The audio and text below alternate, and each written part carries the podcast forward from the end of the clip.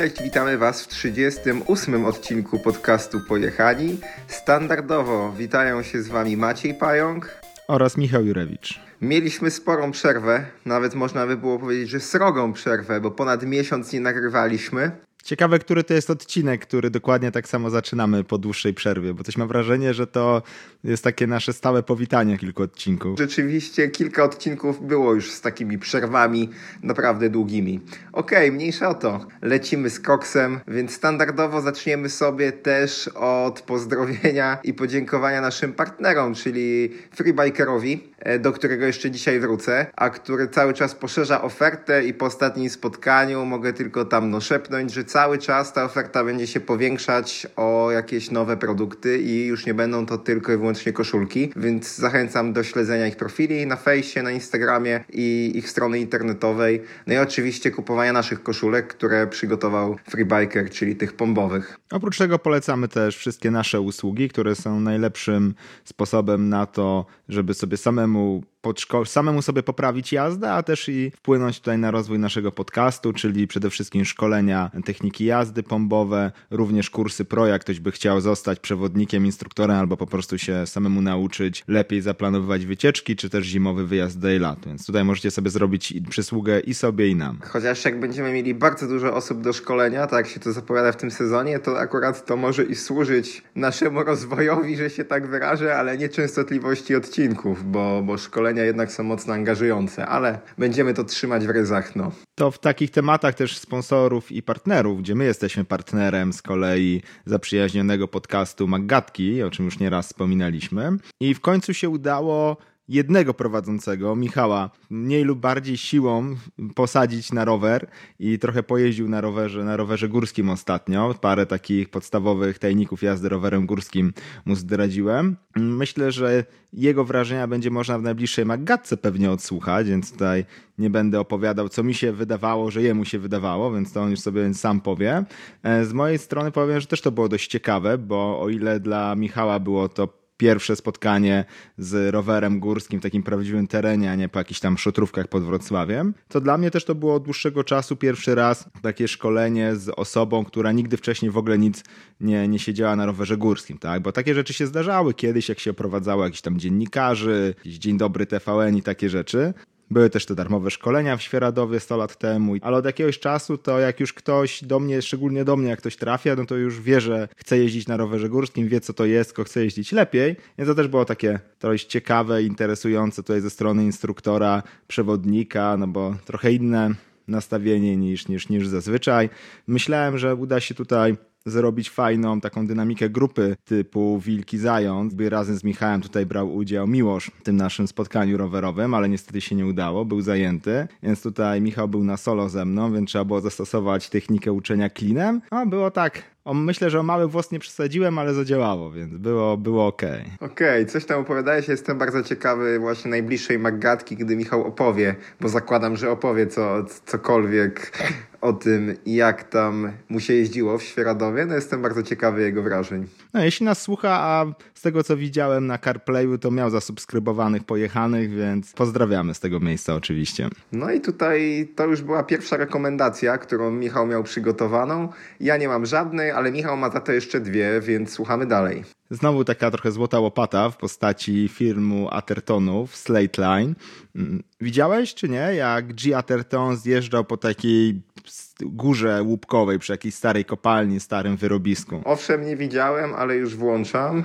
Może sobie przypomnę, nie, nie widziałem, bo patrzę teraz na jakieś takie szoty z, z, z jakiejś kadry z tego filmu i zupełnie nie widziałem. Totalnie. To jest kolejny taki trochę film, który pokazuje, że Atertoni bardzo fajnie jeżdżą, mają bardzo fajny pomysł na filmy, ale realizację tych filmów mają kijową. I to wcale nie chodzi o realizację, że jest źle nagrane, tylko zupełnie nie oddaje to tego hardkoru, jaki tam, jaki tam jest, bo wygląda jakby sobie tam po paru łupkach jechał, dopiero jak spojrzysz na kąt tych drzew do stoku albo na to, jak są takie murki, po których on zjeżdża, to widać, że te nachylenie, że jest prawie takie przysłowiowe prawie pionowo, tak? Czyli najprawdopodobniej 45 stopni kąt, czyli 100% nachylenia. To jest naprawdę fest dużo i mega srogo.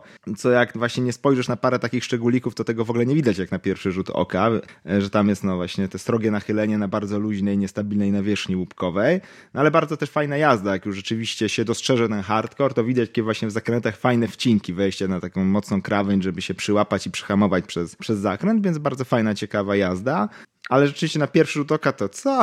Co to w ogóle jest? Zupełnie, zupełnie jakby sobie po prostu po paru łupkach jechał, a robią do tego jakby nie wiadomo jaki to hardcore był, dopiero potem tak do, jak się człowiek przyjrzy w szczegółach, to było widać, że okej, okay, dobra, rzeczywiście srogi hardcore, więc tutaj bez większego gadania jak najbardziej polecam. Warto sobie zobaczyć i właśnie zwrócić uwagi na te kilka szczegółów, tak, że jak naprawdę jest nam stromo i na przykład właśnie na technikę pokonywania zakrętu, przez takie mocne wcięcie, żeby też zwolnić na luźnej nawierzchni. No to ostatnio jak odpowiadaliśmy na pytanie, już nie pamiętam kogo dokładnie, dokładnie, ale na pytanie, jak sobie tutaj po filmach z YouTube'a oceniać, czy, czy, czy ta trasa jest dla mnie przejezdna, czy nie, w kontekście początkującego ridera, to nawet powiedzieliśmy, że jeżeli cokolwiek widać, że jest stromo na trasie, to znaczy, że już jest hardcore nieprzejezdne. I to rzeczywiście się sprawdza wszędzie. Nawet ostatnio na szkółce nagrywałem na najstromszej ściance tutaj moich kursantów we Wrocławiu. Tam już jest nachylenie niezłe, no. Gdzie na Osobowicach, czy gdzieś indziej? Tak, tak. Tam jest taka jedna strona, gdzie jest stromo bardzo i myślę, że 50% lekko jak nie stromiej. Tam trawersowaliśmy sobie kawałek i później zjeżdżaliśmy. No i tam z góry to wyglądało nieźle, nie? Tam stromo było. A dzisiaj akurat montowałem szybki filmik na Face'a. Mówię, o, wygląda jakby jeździli po płaskim w ogóle, no, więc... No, tak jest. Okej, okay, ja już właśnie jestem za połową filmu. Rzeczywiście fajnie to wygląda. Te łupki świetne, jak książki poukładane. To widać, że stare wyrobisko. Na końcu też jest taki road gap i to też widać stromość w tym miejscu, gdzie tak już jest ten płaski odcinek, ale widać, że jak bardzo mocno grunt ucieka w dół, że jak już jest G w powietrzu, to widać, że po prostu ta, ta ziemia się fest szybko oddala. To też po tym trochę stromość można było zobaczyć, a to już był ten płaski fragment tras. Kolejną rekomendacją, którą tu mam taką przechodnią, bo to było obiecane dopowiedzenie odnośnie butów, które Agnieszka akurat używa, czyli tych zimowych do platform e, Moaby Wauda. Po przejeżdżonej zimie i parszywej wiośnie okazuje się, że są naprawdę spoko, że, że bardzo fajnie i na tyle fajnie, że Agnieszka nawet szuka letnich butów z podobną podeszwą, że podeszwa jest mega fajna, która nie jest Wauda, nie jest żadnym Vibramem dość popularnym, tylko Suplestem. Taka szwajcarska firma, która robi podeszwy dla innych producentów, ale też robi swoje, swoje buty. Tak, to Ion wiem, że też ma dokładnie tą samą podeszwę, bo znowu Justyna, która jednak trochę zaczęła być rowerowa, właśnie ma Iony też na, na tej podeszwie. No ale ona znowu nie ma porównania do żadnych innych butów, więc jej ciężko tutaj powiedzieć, czy jest dobra, czy nie, ale na pewno nie jest zła, więc jak tu już jeszcze Agnieszka dopowiada, że jest spoko, no to, to jeszcze Iony też mają tą podeszwę. To w każdym razie tutaj wracając do tych Wałdów, mm, dla osób, które jeżdżą na pedałach platformowych, dobra opcja do rozważenia, jeśli ktoś szuka zimowo paskudno-pogodowych butów, które nie są takimi typowymi śniegowcami, więc powinny być całkiem spoko również latem w syfiatą pogodę. No tak, bo one są średnio zimowe, takie jesienno-przejściowe, głównie wodoodporne, tak? Nie mają chyba żadnych ociepleń. Nie, ociepleń nie mają, to jest po prostu wodo, wodoodporność, tak. Czyli dla mnie by to były buty na takie poniżej 20 stopni. W porównaniu do tych moich Onili to, to są dużo chłodniejsze, bo moje też mają tą takie jakieś futerko od środka, mm, co zmienia faktu, że do takiej jazdy nie jakieś, wiesz, w mega srogie mrozy i nie wiadomo jak długie, z jakimiś grubszymi skarpetami się się nadawały bardzo, bardzo dobrze, a przez to są uniwersalne. Okej, okay, to przechodzimy do ciekawej przejażdżki, którą Michał nie przygotował, bo podobno żadnej nie miał ciekawej, ale za to nic ciekawego nie było. Ale za to mówiłem, że wrócę jeszcze do tematu freebikera, bo ostatnio mnie odwiedził, w zasadzie nie nas, tylko mnie. Jechał do Wałbrzycha, przejechał właśnie przez Wrocław. No i termin był niemalże z góry ustalony, ciężko go było zmieniać i tak wyszło, że po świetnej pogodzie, kilkunastu stopniach na plusie, dzień wcześniej gdzieś tam spadł śnieg i dojeżdżając na Ślęże, no to wszędzie po prostu no kropił deszcz, a na Ślęży już na tą padła śnieg, więc, więc w taką pogodę mało kto umie mnie wyciągnąć na rower, więc tutaj można pogratulować Andrzejowi i jego mm, Kubie, którzy wyciągnęli mnie na rower w taką pogodę. No i na Ślęży jedyne co się dało jeździć to dół Dolce, dół Żmi, bo one po prostu jeszcze nie były pod śniegiem, a tego śniegu na tyle napadało, że w zasadzie nawet ciężko było podjechać na Radunie, bo, bo to było tak, że to już było na początku, nie wiem, tam 3-4 centymetry dało się jechać, potem 10 centymetrów takich kaszy, która się w zasadzie no strasznie oblepiała rower i opony, więc, więc naprawdę była masakra. Ale za to kolejnego dnia przyjechaliśmy do Książa, o którym już wspominaliśmy. No i wydaje mi się, że im się bardzo podobało, więc tutaj mieliśmy taką no pokazową przejażdżkę dla, dla ekipy Freebikera, więc tutaj ich pozdrawiamy i liczymy, że kolejny raz przyjadą, jak będzie lepsza pogoda. Bo warun był wyjątkowo parszywy wtedy. Chyba na ten na drugi dzień to nie dość, że trochę niższe rejony pod tym książem, to też już było trochę lepiej. Tak, pierwszy dzień to była w ogóle masakra. To przyjechałem już na letnich oponach, a tam na parkingu te kabreja, więc nawet ciężko było zaparkować. No tak, jeszcze ślęża trochę za niska, bo normalnie można byłoby w te, trochę wyższych górach w ogóle przeskoczyć ten ciapowaty fragment i z kolei wyżej już na zupełnie śnieżny klimat przejść, a tu się nie dało. No nie, było błoto ze śniegiem, po prostu dobrze, że była, były te niższe stoki bliżej sadów, które, które okazały się, że jest tam na parę centymetrów, a na ścieżce to w zasadzie się szybko wszystko wytopiło, bo i tak było na plusie. Czy było po prostu mokro. No, więc pogoda taka, że błotniki się przydały, całe trzeba było później wymyć z błota i z syfu, no ale trudno. No, bez kitu, dobry błotnik nie jest zły. Okej, okay. no to y, ta ciekawa przejażdżka miała głównie charakter towarzyski w zasadzie. Oczywiście fajnie pojeździliśmy, no ale nic więcej tu już nie mam do powiedzenia, bo i o Ślęży, i o Książu nasi słuchacze już nieraz słyszeli, więc nie ma co już przedłużać. To przechodzimy do pytań od y, słuchaczy. Tu lista jest całkiem spora, ale jak najbardziej zachęcamy do zadawania pytań. Mamy dwa pytania na dzisiaj do przygotowane, na które odpowiemy. Pierwsze jest o rejestrowanie wysokości. To było pytanie od Marcina. I jest to pytanie, które a, zresztą przeczytam dosłownie. Chciałbym, abyście poruszyli temat rejestrowania parametrów treningu. Najbardziej interesuje mnie rejestracja parametrów wysokości. Jak sobie radzicie z tym tematem w odniesieniu np. do strawy? Sama strawa szału nie robi, ale to, co się dzieje po podłączeniu zegarka z barometrycznym pomiarem wysokości, to już istna loteria. Jak sobie z tym radzicie? Proszę o odpowiedź w wiadomości, a jeszcze lepiej w podcaście. Ktoś odpowiedział w wiadomości? Nie, no bo jeszcze lepiej w podcaście, co zakładałem, że w podcaście. Okej, okay, to odpowiadamy w podcaście. Mm, dobre pytanie jest, że trochę zaskakujące, bo tutaj wskazane, że przy barometrycznym pomiarze wysokości zegarka jest największy problem. Coś ciekawe, bo ten rodzaj pomiaru wysokości uważam za najbardziej stabilny i najbardziej dokładny, więc y, poza jakimiś takimi sytuacjami, gdzie nagle przychodzi jakaś burza, mega zmiana pogody i te wahnięcia ciśnienia są naprawdę duże, ale używając tylko i wyłącznie pomiaru ciśnienia, to zazwyczaj na pół dnia jazdy to dokładność od wyjechania z domu i powrotu była tam rzędu dwóch metrów.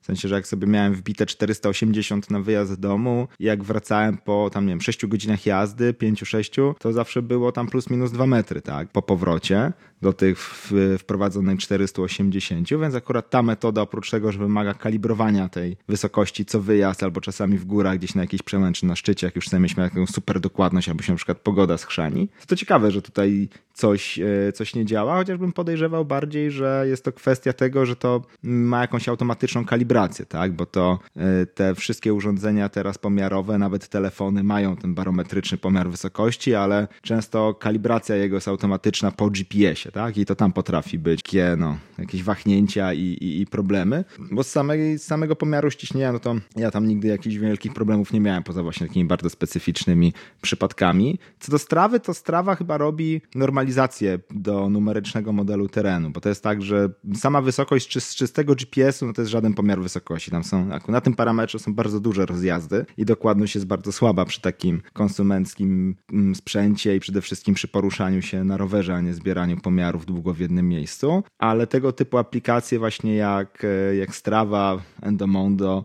czy nawet są takie po prostu niezależne serwisy, po prostu na podstawie lokalizacji e, no, pobierają tą wysokość nie z tych danych bezpośrednio z traka, tylko z modelu terenu numerycznego, któregoś otwartego i to zaczyna robić całkiem niezłą dokładność, więc te mm, z numerycznego modelu e, normalizacje są całkiem spoko. Pytanie po prostu, kto jaką, kto jaką dokładność oczekuje, więc tutaj jeśli ci pisze, że strawa szału nie robi, to myślę, że szczerze mówiąc nic więcej, nic więcej się nie wyciągnie, więc ja się tym nie przejmuję, tak, bo jak sobie z tym radzimy, no ja po prostu w ogóle włączam workouters, jak już nieraz mówiłem, wyłączam i ten automat działa bardzo dobrze. Gdzieś tam tobie chyba ostatnio coś raz przyszalał, po prostu na tej wstępnej kalibracji przy wyjściu, przy wyjściu z domu, e, ale jakbyś tak naprawdę wyciął ten fragment, to, to byłoby bardzo dobrze. To właściwie też tak lecę z automatu i też jest bardzo dobrze, tak, że nawet w ogóle nie używam jakiejś tam ręcznej kalibracji, ciśnienia czy coś, no bo to jest kwestia tam paru metrów tą we w tą, nie ma to zupełnie znaczenia, tak? Bo to pytanie, do czego porównujemy, bo ciekawe, ciekawe tutaj Marcin właśnie pisze, że, że strawa szału nie robi, to ciekawe, do czego porównuje, tak? Nie wiem, do tabliczek, do mapy, bo to wszystko ma spore błędy, tak? Na mapach są błędy na poziomicach, na tabliczkach w terenie są często błędy, szczególnie jeśli są na bazie jakichś sztabówek. Wiem, że na przykład były tutaj w rejonach przygranicznych, to zresztą jak większość pasm górskich polskich jest przy granicy, to ze względów wojskowych były czasami przekłamania na mapie. Jeśli mapy nie zostały zaktualizowane, to się na przykład wysokości po 20-30 metrów potrafiły e, różnić, żeby się nie dało tam, nie wiem czego, no pewnie jakieś lokalizacji przeprowadzić ostrzału artyleryjskiego czy co, ale właśnie ze względów obronnych często te wysokości na mapach były takie od czapy. No, wszystko jasne. Ja myślę, że tutaj większość użytkowników albo ma Garmina, albo ma Apple Watcha, albo jakiś po prostu telefon, ewentualnie jeszcze Polary są, no i włącza. I potem wychodzi wynik i nikt się tam mocniej nie zastanawia, ile jest, y, ile, jaka jest ta dokładność. Ewentualnie jak się jedzie całą wycieczkę z kimś, no to rzeczywiście porównuje czasem e, z Garminem jakimś i to są też na rozbieżności rzędu 10-15 metrów e, przy wycieczce, która ma 1000 w pionie na przykład, no więc też uważam, że one są bardzo małe. To jest bardzo, do, to jest bardzo dobra zbieżność. Jeśli to jest taka, to to jest super dobra zbieżność pomiaru. No, ja nie mam zielonego pojęcia, na jakiej zasadzie to działa. Wiem, że włączam i tyle, więc ja tutaj niestety nie jestem w stanie nic pomóc. Tu warto powiedzieć, że pomiar wysokości jest bardzo trudny, więc dokładność lokalizacji jest dużo większa, dużo lepsza niż, niż wysokości, że to jest jeden z tych, tych gorszych pomiarów do zrobienia dokładnie. No okej, okay. myślę, że tutaj dosyć mocno i tak odpowiedziałeś i rozwinąłeś ten temat. Myślę, że możemy przejść do kolejnego pytania, które zadał Piotrek na Twitterze. Czołem pojechani. Pytanie, w jakich kaskach jeździcie i jak często je wymieniacie? Czy jeździliście kiedykolwiek w lekkich full face'ach, na przykład Fox Proframe i co uważacie o kaskach z dopinaną gardą w kontekście jazdy enduro?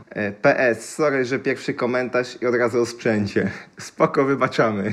No to ja tutaj pierwszy odpowiem. Ja jeżdżę od dłuższego czasu w Troily Design, a dwójce chyba, z Mipsem. Już zdążył wypłowieć, to znaczy był niebiesko-czerwony, a teraz ten czerwony jest jak taki no wyblaknięty nocnik, ale trudno, jeszcze nie pęk i wymieniam najczęściej wtedy, kiedy już po prostu kask nie nadaje się do użytku, czyli ten cały środek gdzieś tam odpada, albo jest pęknięty, albo już nie da się kupić gąbek nowych i te, te gąbki oryginalne już też po prostu nie żyją, co akurat w Troju jest problemem, bo żeby zmienić gąbki trzeba zmienić kask, najczęściej nie ma tych gąbek na rynku, więc y, ja po prostu jeździłem, nie wiem, jeszcze w jakimś bluegrassie, w mecie, swego czasu, no, a ten Troj najbardziej mi teraz pasuje. I tutaj jest jeszcze pytanie o, czy kiedykolwiek jeździliśmy w tych lekkich full face'ach. Raz w życiu miałem full face'a nie lekkiego, takiego oldschoolowego 661. Nawet nie wiem, gdzie on teraz jest. Parę razy w życiu w nim jechałem i żadnych innych full face'ów nigdy nie używałem, więc nie umiem się wypowiedzieć nic na temat full face'ów, ale z mojej perspektywy jest to zupełnie nieużywalny kask dla mnie, no bo nie wyobrażam sobie w nim podjeżdżać i nie wyobrażam sobie też co chwilę ściągać i zakładać tego kasku, na przykład odkładać go gdzieś tam do plecaka, w sensie przypinać go. To zupełnie jest dla mnie zaprzeczenie jazdy. Jak wychodzę na rower, to nie lubię stawać, zatrzymywać się, zakładać ochraniaczy, przekładać coś. Wolę w formule non-stop shredding i tyle, więc zupełnie o tych kaskach nie mam pojęcia, jak one działają ty, ty, z tymi lekkimi gardami i tak dalej. To ja od dłuższego czasu niż ty jeżdżę w A1 e, i już dru drugą A1 katuję. Kupiłem pierwszą A1 w też Troili Design, to jest kask A1. No nie wiem, dzień po premierze, czy coś w tym stylu. To był jedna z pierwszych sztuk, która była w Europie. Używałem dopóki aż już cały nie miał wgniotów, też nie, nie, nie rozleciał się i gąbki nie sparchaciały. Mm, no i teraz już mam drugą A1, też już dość, dość długo i, i, i jeździć. Trzeba przyznać, że nie jesteśmy zbyt rozsądni, bo wbrew temu, co producenci by chcieli, to nie wymieniamy kasków obaj od razu po pierwszej glebie, że być może gołąska go dotknęła, tylko jak już jest naprawdę skatowany, tak? Jak już widzę, że są mocne wgnioty, no to okej, okay. to wtedy już go zmieniam, a jakieś tam małe obicia czy przetarcia, to, to olewka, tak? Nie, nie, nie przejmuję się. Producenci mają jeszcze jakieś czasowe ograniczenie, też tam zalecają, żeby te kaski zmieniać po jakimś tam czasie, nie wiem, czy po dwóch latach ze względu na to, że... Bo się utleniają, normalna rzecz. Że ta skorupa się tam utlenia, więc to... To styropian bardziej, bo skorupa to... Znaczy wszystko się utlenia i wszystko... Znaczy miałem na myśli styropian. Że to wypełnienie jest tam najbardziej podatne na, na właśnie korozję z różnych względów, mm, więc na pewno ze względów bezpieczeństwa można byłoby częściej wymieniać, ale działają, no nie ma co tam przesadzać. Teraz w ogóle wyszła trójka bardzo ciekawa i to tyle jest fajnie, że od razu w pudełku jest drugi, czy nawet trzeci chyba na pewno jest najmniej drugi komplet gąbek, więc to znacząco przedłuża żywotność tego kasku. No i ta a trójka też wygląda bardzo ciekawie. Też nie jeżdżę w full face'ach, mi full face'y strasznie przeszkadzają przez tą ograniczoną widoczność. Po prostu się bardzo źle, niekomfortowo czuję, jak nie mam pełnej widoczności, więc zdecydowanie, zdecydowanie nie. Co nie zmienia faktu, że jak ktoś chce full face, to śmiało. To nie jest tak, że odradzam czy coś, tylko rzeczywiście sam, sam nie polubiłem E, jeździć w jakichkolwiek full face'ach. Lekkie, ciężkie, wszystkie tak samo badziewne. Ale rzeczywiście jest spora chyba grupa, która lubi te kaski z tą dopinaną gardą. Bo tu jest jeszcze takie pytanie właśnie, y, co myślimy o tych kaskach w kontekście jazdy enduro. Ciężko coś o nich myśleć, jak w zasadzie nigdy w nich nie jeździliśmy. Przynajmniej ja dłuższego czasu nie jeździłem, więc wiem, że istnieją. Na pewno bym się nie obawiał, że, że to mocowanie jest słabe, czy, czy coś. Jeśli spełnia odpowiednie normy, to, to podejrzewam, że jest, że jest ok. Jak ktoś chce sobie żonglować, czy na takiej zasadzie, że mieć nie wiem, na weekend do jakiegoś bike parku, czy na jakieś duże hopy, kask właśnie ze szczęką, a sobie na wycieczki jeździć bez, myślę, że jest to spoko opcja. Tylko no, tak jak wcześniej tutaj powiedzieliśmy, nie w naszym zainteresowaniu, bo po co nam odpinana i byłaby cały czas odpięta, więc... No właśnie. Pytań od słuchaczy mamy sporo. Cieszymy się, że po ostatnich apelach wysłaliście do nas, ale niemalże przepadły w studni, bo wysłaliście dużo pytań, a my przestaliśmy nagrywać. Więc tutaj nie zniechęcajcie się, będziemy mieli na zaś. Okej, okay, przechodzimy do tematu odcinka głównego. Mieliśmy taki cykl rozpoczęty bardzo dawno temu, e, w dziesiątym odcinku. Single track od pomysłu do wykonania. W trzynastym, siedemnastym i dwudziestym szóstym odcinku jeszcze o tym rozmawialiśmy rozmawialiśmy o kolejnych etapach tego single tracka od pomysłu do wykonania, a dzisiaj mam nadzieję, że uda nam się zamknąć temat i ten cały, cały cykl. Tak, przechodzimy do ostatniego etapu e, budowy trasy, mianowicie jego wykonania. Tak? Najpierw mieliśmy pomysł, potem koncepcja i teraz e, wykonanie można śmiało powiedzieć, że jest to ten etap, który spowodował, że aż tak nie pałamy do projektowania tras rowerowych ostatnimi czasy, że jest to etap, gdzie się dzieją największe wały i jest największy problem z utrzymaniem jakości, bo jest to ostatni etap, albo prawie ostatni, bo potem już tylko impreza na otwarcie. I termin się zbliża, czas rozliczenia dotacji się zbliża i wszystko idzie tak potem łeb na szyję byle szybciej, byle skończyć i, i, i tyle. Nikt się nie przejmuje jakością z tego co wiemy, albo prawie nikt, albo rzadko kiedy. A właśnie nawet jak wszystko wcześniej było super, na tym jednym etapie może się wszystko schrzanić i tutaj szczególnie na tym etapie trzeba właśnie pilnować zgodności z projektem, żeby jak najbardziej się trzymać projektu i jakiekolwiek odstępstwa, które się mogą pojawić, no bo podczas budowy różne dziwne rzeczy się pojawiają, jakieś niespodzianki w terenie, jak się odkryje na przykład kawałek ziemi, tam nagle skała, o której się wcześniej, no nie wiem, nie zauważyło, nie pomyślało i tak dalej. A mimo wszystko wszystkie takie odstąpienia od projektu powinny być bardzo, bardzo mocno uzasadnione, bo znaczy jak się zmieni jedną rzecz, to już się potem cała reszta posypie. Najczęściej tutaj każda zmiana przebiegu w zasadzie można założyć śmiało, że nigdy nie powoduje skrócenia tego, tego odcinka czy tej trasy. Każda zmiana będzie powodowała wydłużenie, bo najczęściej i tak optymalizuje się ten przebieg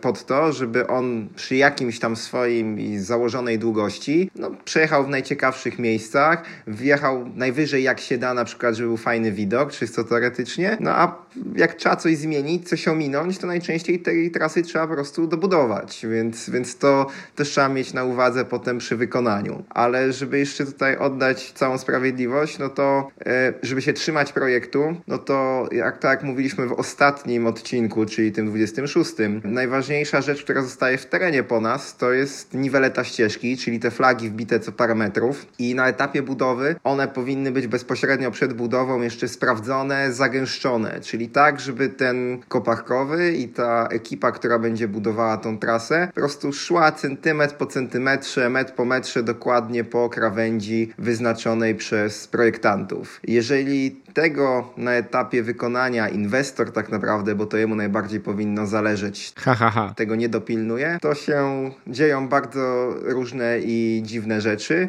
No i takim w zasadzie największym przykładem braku tej niwelety, no to były trasy w Kaczawach, które po prostu miały straszliwie długi okres między e, wykonaniem projektu a przystąpieniem do prac część tych flag po prostu zupełnie zniknęło. Jak te, te flagi zniknęły, a inwestor nie chciał odnowić tego oznaczenia tej, tej niwelety, no to potem sobie ten ten, ten, ten wykonawca wziął GPS-a i mniej więcej którędyś tam jechał niektórymi odcinkami, no. Więc jeżeli ktoś jest w Wojcieszowie na przykład i się dziwi, dlaczego tutaj ta trasa tak stromo podjeżdża po to, żeby za chwilę znowu zjechać i znowu strasznie stromo podjeżdża, szczególnie początek, podjazd, no to może być pewny, że tam e, wykonawca nie trzymał się niwelety tak, jak była ona zaprojektowana. Typowy taki przykład, dlaczego dziś na Olbrzymach nagle są jakieś takie sakramenckie podjazdy, albo że jedziesz w dół, potem znowu sztajfa fest do góry, potem znowu w dół i takie nie wiadomo, czy to zjazd, czy to podjazd, kochamski interwał, bo to właśnie była chęć ominięcia czegoś, ale bez świadomości, że jak coś omijamy, to trzeba trasę wydłużyć, a nie skrócić. Te chamskie wyrypy do góry, no to często jest właśnie skutek tego omijania tak o, po prostu na pałę, że połączmy punkt A, B, najkrótszą drogą i jakoś to, jakoś to będzie, tak? Na przykład jakby ktoś się zastanawiał, dlaczego na trasie Nowej Świeradowiec, na takim tutaj Świeradowie, na singlach, na zjeździe do kładki już nie ma ścieżki, tylko jest potop, no to po prostu właśnie brak tej niwelety, tak? Że po prostu nagle się wykonawca zorientował, że jest 30 metrów za wysoko do przejścia przez rzekę, no i no niestety, no tak to.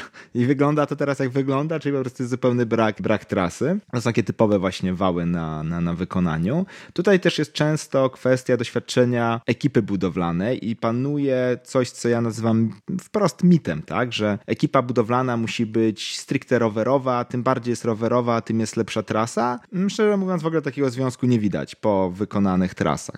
Czasami jest ekipa stricte rowerzystów, która robi trasę do luftu, czasami jest ekipa, która buduje tylko drogi leśne i robi trasę spoko. Tej zależności nie widać. I szczerze mówiąc, dużo większe ryzyko jest przy tych ekipach takich rowerowych trailbuilderów, bo oni często budują trasę pod siebie, a nie pod projekt albo pod założenia. Ale tu nawet bym, nie wiem, nie, nie, nie, nie szedłbym tak daleko, że trzeba omijać na przykład ekipy wykonawcze z tym takim tłem bardzo rowerowym. Nie, tylko jaka by ekipa nie była, musi po prostu trzymać projektu i założeń. A czy ona jeździ na rowerze, czy nie jeździ, to akurat jeśli chodzi o wykonanie ma najmniejsze znaczenie. Największe znaczenie ma doświadczenie w wykonywaniu tego typu, e, tego typu prac. No tak, z naszego doświadczenia można śmiało powiedzieć, że jeśli chodzi o zagęszczenie nawierzchni na przykład, czyli to, co jest często poddawane w wątpliwość, że trzeba poczekać, żeby w ogóle wjechać na trasę, e, że trzeba poczekać, aż ona się ułoży, że broń Boże nie można zimą wjechać i tak dalej, no to przy ekipach, które robią drogi leśne albo po prostu drogi, to w ogóle ten problem nie istnieje.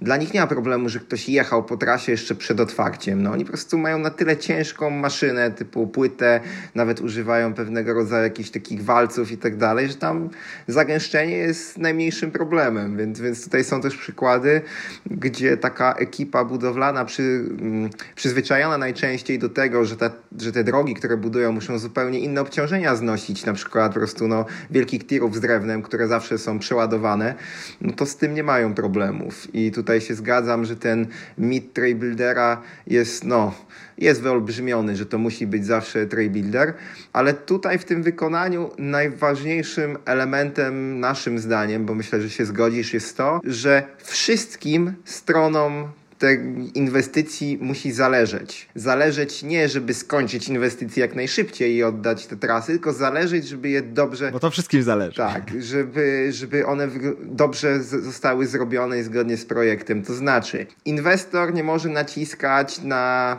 na to, żeby robić jak najszybciej. To znaczy, wiadomo, że zawsze są jakieś terminy, no ale to jest w gestii inwestora, żeby projektanci przede wszystkim na początku przewidują, ile danej, dana trasa będzie, jaki czas jest potrzebny na zbudowanie danej trasy. Więc jak inwestor na dzień dobry na przykład skraca ten czas, bo do kiedyś tam trzeba rozliczyć dotacje, no to to już można być niemalże pewnym, że nic dobrego z tego nie wyjdzie. Druga rzecz, że inwestor zawsze ma jakiś tam nadzór inwestorski, czyli ma swojego człowieka wynajętego najczęściej z zewnątrz, jako tam osobna firma czy osobny inspektor nadzoru, który pilnuje, żeby wykonawca, też zatrudniony przez inwestora, wykonał robotę zgodnie z projektem. I moim zdaniem ten inwestor nadzoru najczęściej jest najsłabszym ogniwem całego tego układu. Bo po pierwsze, inwestor nie ma obowiązku znać się na wszystkim. On zapłacił najpierw projektantom za to, żeby tą trasę przygotowali, była najlepsza i spełniała pewne założenia dla, dla danego produktu chociażby, załóżmy tak to nazwijmy, a,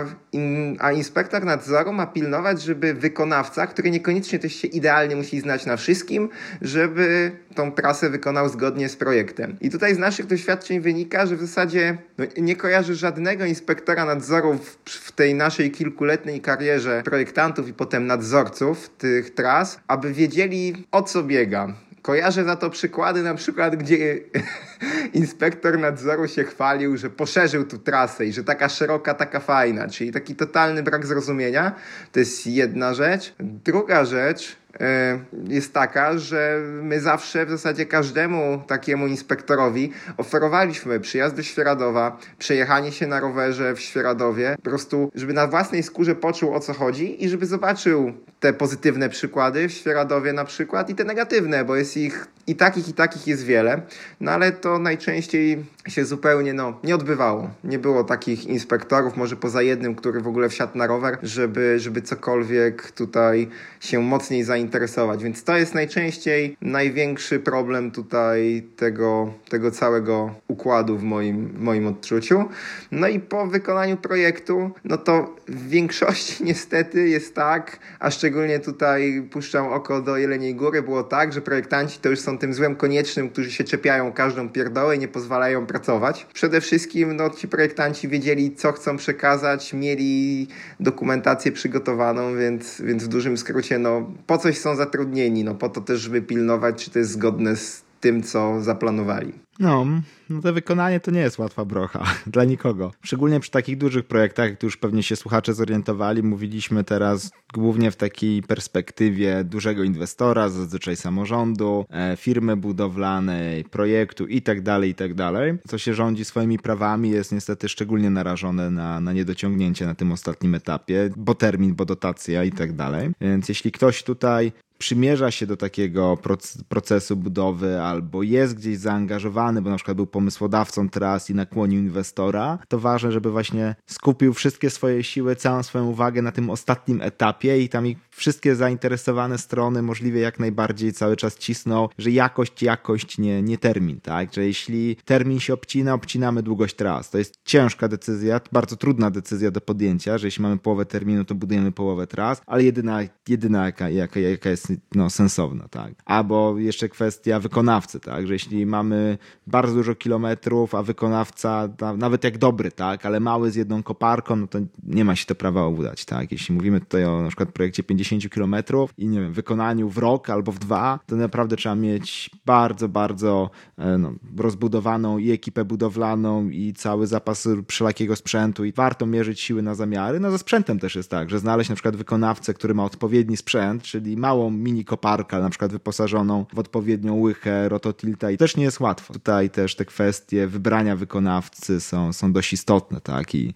szczerze mówiąc, ten park maszynowy jest dużo bardziej istotny niż jakieś certyfikaty, imba i inne takie duperele. No tak. I, I samo wykonanie na pewno też nie jest łatwym chlebem. To już w ogóle no, wykonawcy łatwo nie mają. Przede wszystkim jak są przyzwyczajeni do budowy dróg, no to owszem, tutaj w lesie nie śmierdzi, tutaj masą bitumiczną, ciepłą. To tak pamiętam, jeden wykonawca opowiadał, no już całkiem fajnie w tym lesie, nie śmierdzi, tutaj ludzie nie, nie chodzą cały czas i nie, nie przechodzą przez świeży asfalt. No ale, ale i pogoda, i warunki, dojeżdżanie codziennie do lasu, przechowywanie tego sprzętu w lesie, no jest to, jest to w każdą stronę dość problematyczne, no bo to nawet y, na większości tych budów zawsze jakiś problem jest, typu tu ukradną węże od koparek, no. Tutaj komuś ukradną kłada, a tutaj komuś na przykład spuścili paliwo dziesiąty raz w tym tygodniu. Ciągle o jednej mówisz teraz budowie. Nie. Nie? Nie, mówię teraz o każdej po kolei. Paliwo w, co chwilę spuszczali okay. w Kaczawach. A, myślałem, że to była domena Jeleniej Góry.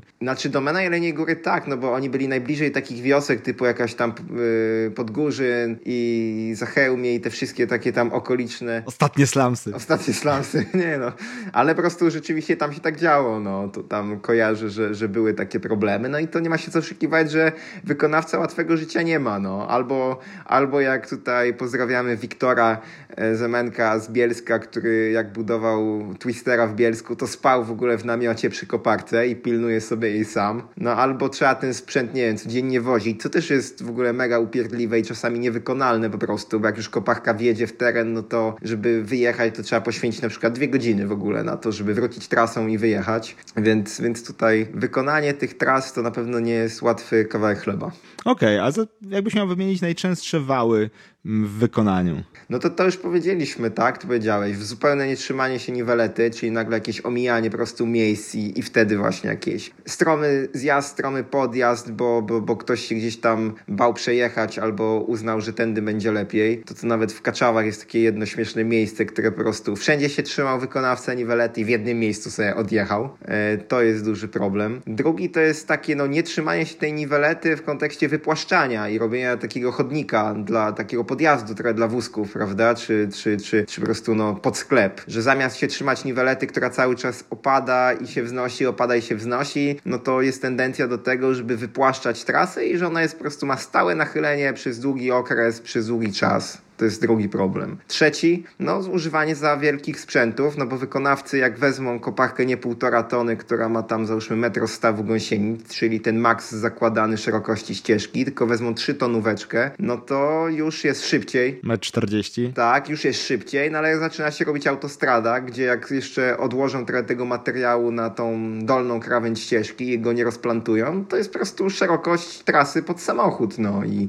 i potem zamiast wąskiej ścieżki mamy po prostu autostradę. To szerokość to jest numer jeden, jakbym nawet miał powiedzieć. Że nawet czasami jak się trzymają niwelety, to szerokość jest najczęściej no, niestety zapomniana, w sensie, że jest zostawiona za szeroka. Kolejna rzecz jest taka chęć zawsze i wszędzie nawiezienia materiału za wszelką cenę, czyli tego kruszywa na nawierzchnię.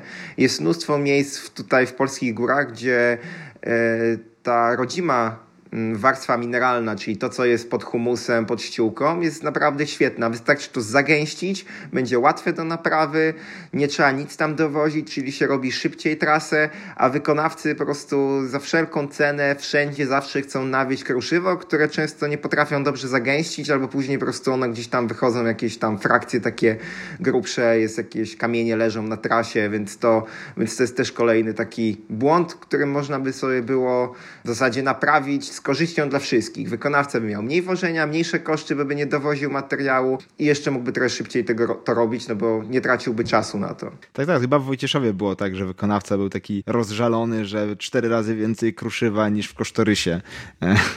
No tak, ale właśnie cztery razy więcej niż go miało być. No tak, tak było. No to jeszcze kiedyś był taki śmieszny nawet nie projekt, my robiliśmy tylko koncepcję tam w Ruszowie i tam, ja tam raz pojechałem to zobaczyć, to tam w ogóle z wąskich ścieżek do metra szerokości szerokości zrobili takie autostrady po dwa metry. Jakby się śmiałem, jakby się wykonawca zorientował, że on tam mógł o dwie trzecie mniej tego kruszywa i tego wszystkiego nawieść, to, to by uznał, że to była najlepsza robota w życiu, jaką zrobił. No. Niestety, to... Mm ta szerokość i wypłaszczanie. To tutaj się zgadzam. No i właściwie tyle. No. To są na pewno te, te, co wymieniłeś, to są te największe problemy, na które trzeba bardzo mocno zwracać uwagę, jeśli się wykonuje właśnie te, te trasy albo nadzoruje. Bo to wystarczy spojrzeć chwilę w drugą stronę i już jest chodnik. Czy coś jeszcze? Można powiedzieć, że jakby, a jakbyś miał powiedzieć, co widzisz, że zawsze jest sensownie zrobione? albo co, co, co widzisz, że mm, z tym nie ma problemu, a czysto teoretycznie mogłoby się wydawać, żeby były. Składkami i mostkami. To prawda. Że czasami one powstają takie, że można było czołgiem po, nim jeździć, po nich jeździć i zazwyczaj są wykonane mega spoko, tak? Szczególnie, że jak jeśli są trochę szersze niż w projekcie czy coś, to akurat na kładce to jest najmniejszy problem. E, zabezpieczenia czy antypoślizgowe, nie licząc tutaj świeradowa, też są zazwyczaj spoko, czasami bardzo w dziwny sposób robione i dość żmudny i czaso, taki ogólnie czasochłodny i kosztowny, ale są, są ok. Więc te wszystkie elementy drewniane są zazwyczaj na ok, Przepusty, jak już są robione, też są często ok, ale czasami są po prostu nie robione, a być powinny. Ale jak są robione, to są takie, wiesz, z przytupem bardzo często. No i to jeszcze z problematycznych rzeczy, jak już sobie tak narzekamy na to wykonanie i twierdzimy, że to jest taki problem, no to przy niektórych inwestycjach jest nadzór przyrodniczy, który potrafi już rzeczywiście na etapie inwestycji trochę mieszać. No i wiadomo, że to jest istotne, chociaż miejscami mam wrażenie, że to trochę jest taki przerost formy nad treścią, bo tutaj w kontekście budowy tras jest jakiś na przykład, no nie wiem, e, gatunek paproci, no i trzeba go tam przesadzić albo ominąć, ok, ale najśmieszniejsze jest to, że nie wiem, tam po roku albo z, dokładnie po tygodniu właśnie szła zrywka tamtędy i nikt się już tym gatunkiem tej paproci nie przejmował, że ona tam rośnie, po prostu no przejechali, tam ściągnęli drewno, więc tu jest to, to jest takie no, takie, może nawet nie jakoś bardzo problematyczne, no, ale takie jest dosyć śmieszne. To tak, to jest czasami takie no, są zabawne te sytuacje. Nadzoru przyrodniczego nie nazwałbym problemem. Problemem bym nazwał bardzo częste jakby proces zmian spowodowanych tymi komentarzami nadzoru przyrodniczego, tak? Czy jest po prostu ta kwestia, że okej, okay, że jednak tędy nie może przejść trasa, że trzeba tutaj ominąć. E, no jest po prostu robione to, tak jak wcześniej mówiliśmy, krótszą drogą, dużo gorszą i tak dalej, i tak dalej. Trzeba pamiętać, że jak coś omijamy, to będzie dłużej, a nie, a nie krócej. Więc że problemem jest reakcja na ten komentarz nadzoru przyrodniczego często, a nie sam te kwestie tego nadzoru przyrodniczego. Teraz mam taką potrzebę, żeby jednak opowiadać też o jakichś sensownych rzeczach i takich pozytywnych, bo też ich trochę było. Owszem, je się mniej pamięta, ale e, czysto teoretycznie to teraz sobie przypominam Szklarską Porębę, gdzie rzeczywiście tam wykonawca nie miał łatwego życia na tych torfowiskach i na tych podmokłych rzeczach, a tutaj lokalny wykonawca, pan Pilawski w ogóle się nie przejmował, rzucał wielkie głazy, jak trzeba było jakieś tam, no, nie, rob, nie robił jakichś problemów, że trzeba coś osuszyć, czy coś więcej materiału dowieść. Był takim Hany Badgerem, jeśli chodzi o ewentualne problemy. Leciał z koksem i się, i się nie przejmował. Jak go tam termin już gryz, tam było parę problemów, gdzie trzeba było zrobić ścieżkę podniesioną z kamienia, nie zostało, tylko zostało zasypane dalej żwirem, ale żeby tu oddać uczciwość na wniosek nadzoru inwestorskiego, więc, e, więc tutaj e, rzeczywiście kwestia nadzoru inwestorskiego, który trochę poszedł na rękę i niestety te, te problemy, gdzie są te wysięki wody i trasa trochę spływa, no to tutaj na życzenie inwestora. No. Ale tak, tam było nieźle. W Szklarskiej też była ta sytuacja, gdzie były takie fragmenty trasy, które myśleliśmy, że będą zupełnie na maksa hardkorowe, wykonania w ogóle się okazały lightowe. Te problemy z wysiękami wody potrafią później też napsuć krwi wykonawcom i inwestorowi. E, ale tutaj jeszcze, jeszcze jedna rzecz mi przyszła do głowy, że mm, często później jak przychodzą urzędnicy, czyli inwestorzy popatrzeć sobie jak ta trasa jest zbudowana, albo przyjeżdżają rowerzyści lokalni i, mówi, i, i oglądają, no to potem w takich małych miejscowościach no, idzie fama do burmistrza czy tam do prezydenta miasta, że, że no tak, ale tutaj jest coś nie, nie tak. I mnie to bardzo zawsze ciekawi, że ci inwestorzy potrafią się bardziej przejmować zdaniem tych no, przyszłych wyborców, czy tam swoich znajomych, że na przykład jakiś zakręt jest do chrzanu, na przykład, no takie te, tego typu rzeczy, albo że tutaj trzeba by było zrobić coś stromiej albo mniej stromo i, i w ogóle są w stanie bez takiego żadnego żadnego trybu tam nagle próbować zmieniać. Projekt, to co zrobił wykonawca, to co mówi nadzór inwestorski, to takie rzeczy też się czasem zdarzają. Więc... To prawda, że Zenek, który jeździ na rowerze, wiesz, nam 5 lat czy coś, powiedział burmistrzowi na ucho, że zakręt jest za ostry i, i, i że tu tego, proszę zmienić. Jest chęć, żeby je zmieniać, tam taka no odgórna. No, ale to, to taki klimat. No i, i trzeba pamiętać, że po prostu budowlanka to jest taka no, surowa robota, w której trzeba się w zasadzie o każdą rzecz wykłócić. Przynajmniej z mojej perspektywy to wygląda. Tak, że tam no, nie można nic popuścić i i trzeba każdą rzecz się wykłócić, a jak się jest, no nie wiem, jak się ma miękkie serce, to trzeba mieć potem twardy tyłek, no, bo to wejdą na głowę i zawsze później przeforsują na jakimś głupim spotkaniu, że tu jednak by tamtędy trzeba było jechać, a nie tak w projekcie. Zmieniając teraz perspektywę na takie bardziej od, odgracanie ścieżek leśnych, takie bardziej oddolne, czyli weźmy tutaj przykład um, Bałałajki z Sępiej Góry w Świeradowie. Mhm. Dzisiaj właśnie tuż przed nagraniem jechałem Bałałajkę pierwszy raz po, po zimie, po zimie, po zejściu śniegów. Kwestia jest taka, że ona się bardzo dobrze trzyma. Ona naprawdę się super trzyma, bo przez większość czasu jest bardzo fajnie poprowadzona, ale był taki jeden fragment, gdzie ona wjeżdżała w taki lekki rów, bo po prostu był, tak? No, to po prostu ścieżka, istniejąca ścieżka leśna i tyle. Był rów, jechało się kawałek rowem.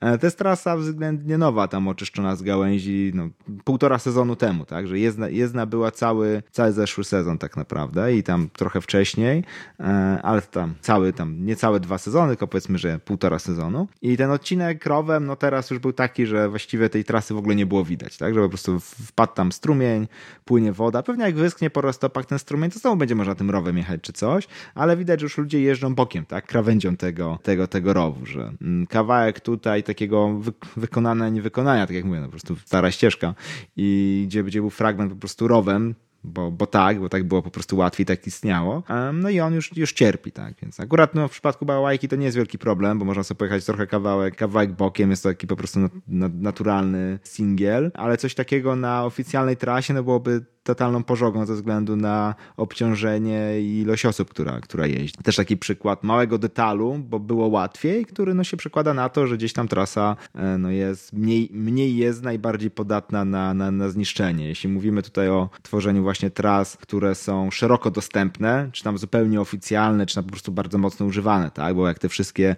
żmije, gangstery na Ślęży, no nie są sensu stricte oficjalnymi oznaczonymi trasami, co zmienia faktu, że mają obciążenie większe niż niejedna oficjalna trasa. No tak, Ślęża przeżywa oblężenie co weekend, więc jest tam naprawdę sporo rowerzystów. Więc nawet na takich oddolnych trasach trzeba bardzo uważać, żeby czasami nie, nie pójść na jakieś względne ułatwienie sobie, tak, że sobie A się szybciej wybuduje, no a potem utrzymanie tego będzie dużo, dużo trudniejsze, tak, bo trzeba często pamiętać, że każdy wał na budowie, czy każde pójść na skróty na budowie, no to się zemści przy późniejszym utrzymaniu, no nie ma siły. No tak, to prędzej czy później wyjdzie, albo trzeba będzie naprawiać często dane miejsce, albo trzeba będzie finalnie przeprojektować i położyć tą ścieżkę gdzieś tam obok, albo jakieś inne rozwiązania tam zaproponować. A na to zawsze gorzej, jeśli chodzi o zasoby, motywację. Lepiej się przyłożyć do solidnego wybudowania, wykonania, a potem mieć problem z głowy. No i teraz w zasadzie powoli kończąc ten temat, można powiedzieć, że największym obecnie problemem właśnie w kontekście wykonania tras nawet nie są środki. Najczęściej te gminy są w stanie pozyskać środki albo z własnych jakichś funduszy, albo unijne. Y, nie jest problem z tym, żeby znaleźli się pomysłodawcy. Największy problem jest rzeczywiście z tym, żeby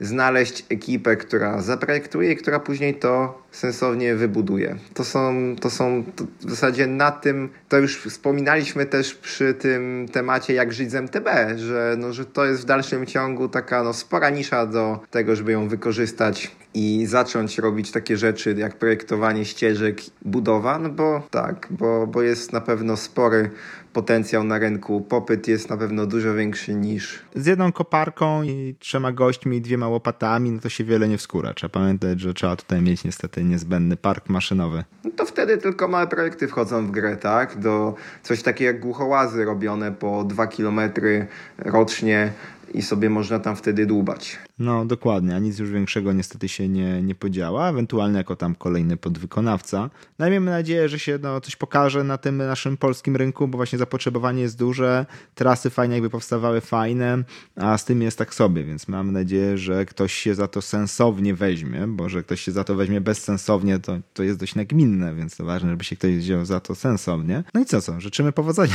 przyszłym, przyszłym ekipom budującym i projektującym. Jak ktoś ma jakieś pytania związane z budową właśnie tras rowerowych od pomysłu do wykonania, no bo oficjalnie kończymy ten cykl dzisiaj w tym odcinku, ale jak są jakieś pytania, to oczywiście śmiało odpowiemy. Śmiało zadawajcie, bo pewnie dla części z Was trochę tak błądziliśmy po tym temacie bardzo szeroko od jakiegoś jednego do drugiego zagadnienia w żaden uporządkowany sposób, no ale takie było nasze założenie, żeby tak ogólnie pogadać. Jak ktoś będzie miał jakieś konkretniejsze pytania, to się wtedy zgłosi. No właśnie tak, więc możemy spokojnie zakończyć 38 odcinek. Standardowo, jeżeli nie jesteście na rowerze, to weźcie rower i idźcie pojeździć. Tylko uwaga tutaj, e, słuchajcie odcinka przy dobrej pogodzie, bo ostatnio tutaj zarzuty jakieś były do mnie kierowane, że jak to wysyłam na rower, jak leję na zewnątrz. No to trzeba słuchać w odpowiednim momencie. Ja się żegnam, na razie, cześć. Na razie, do zobaczenia.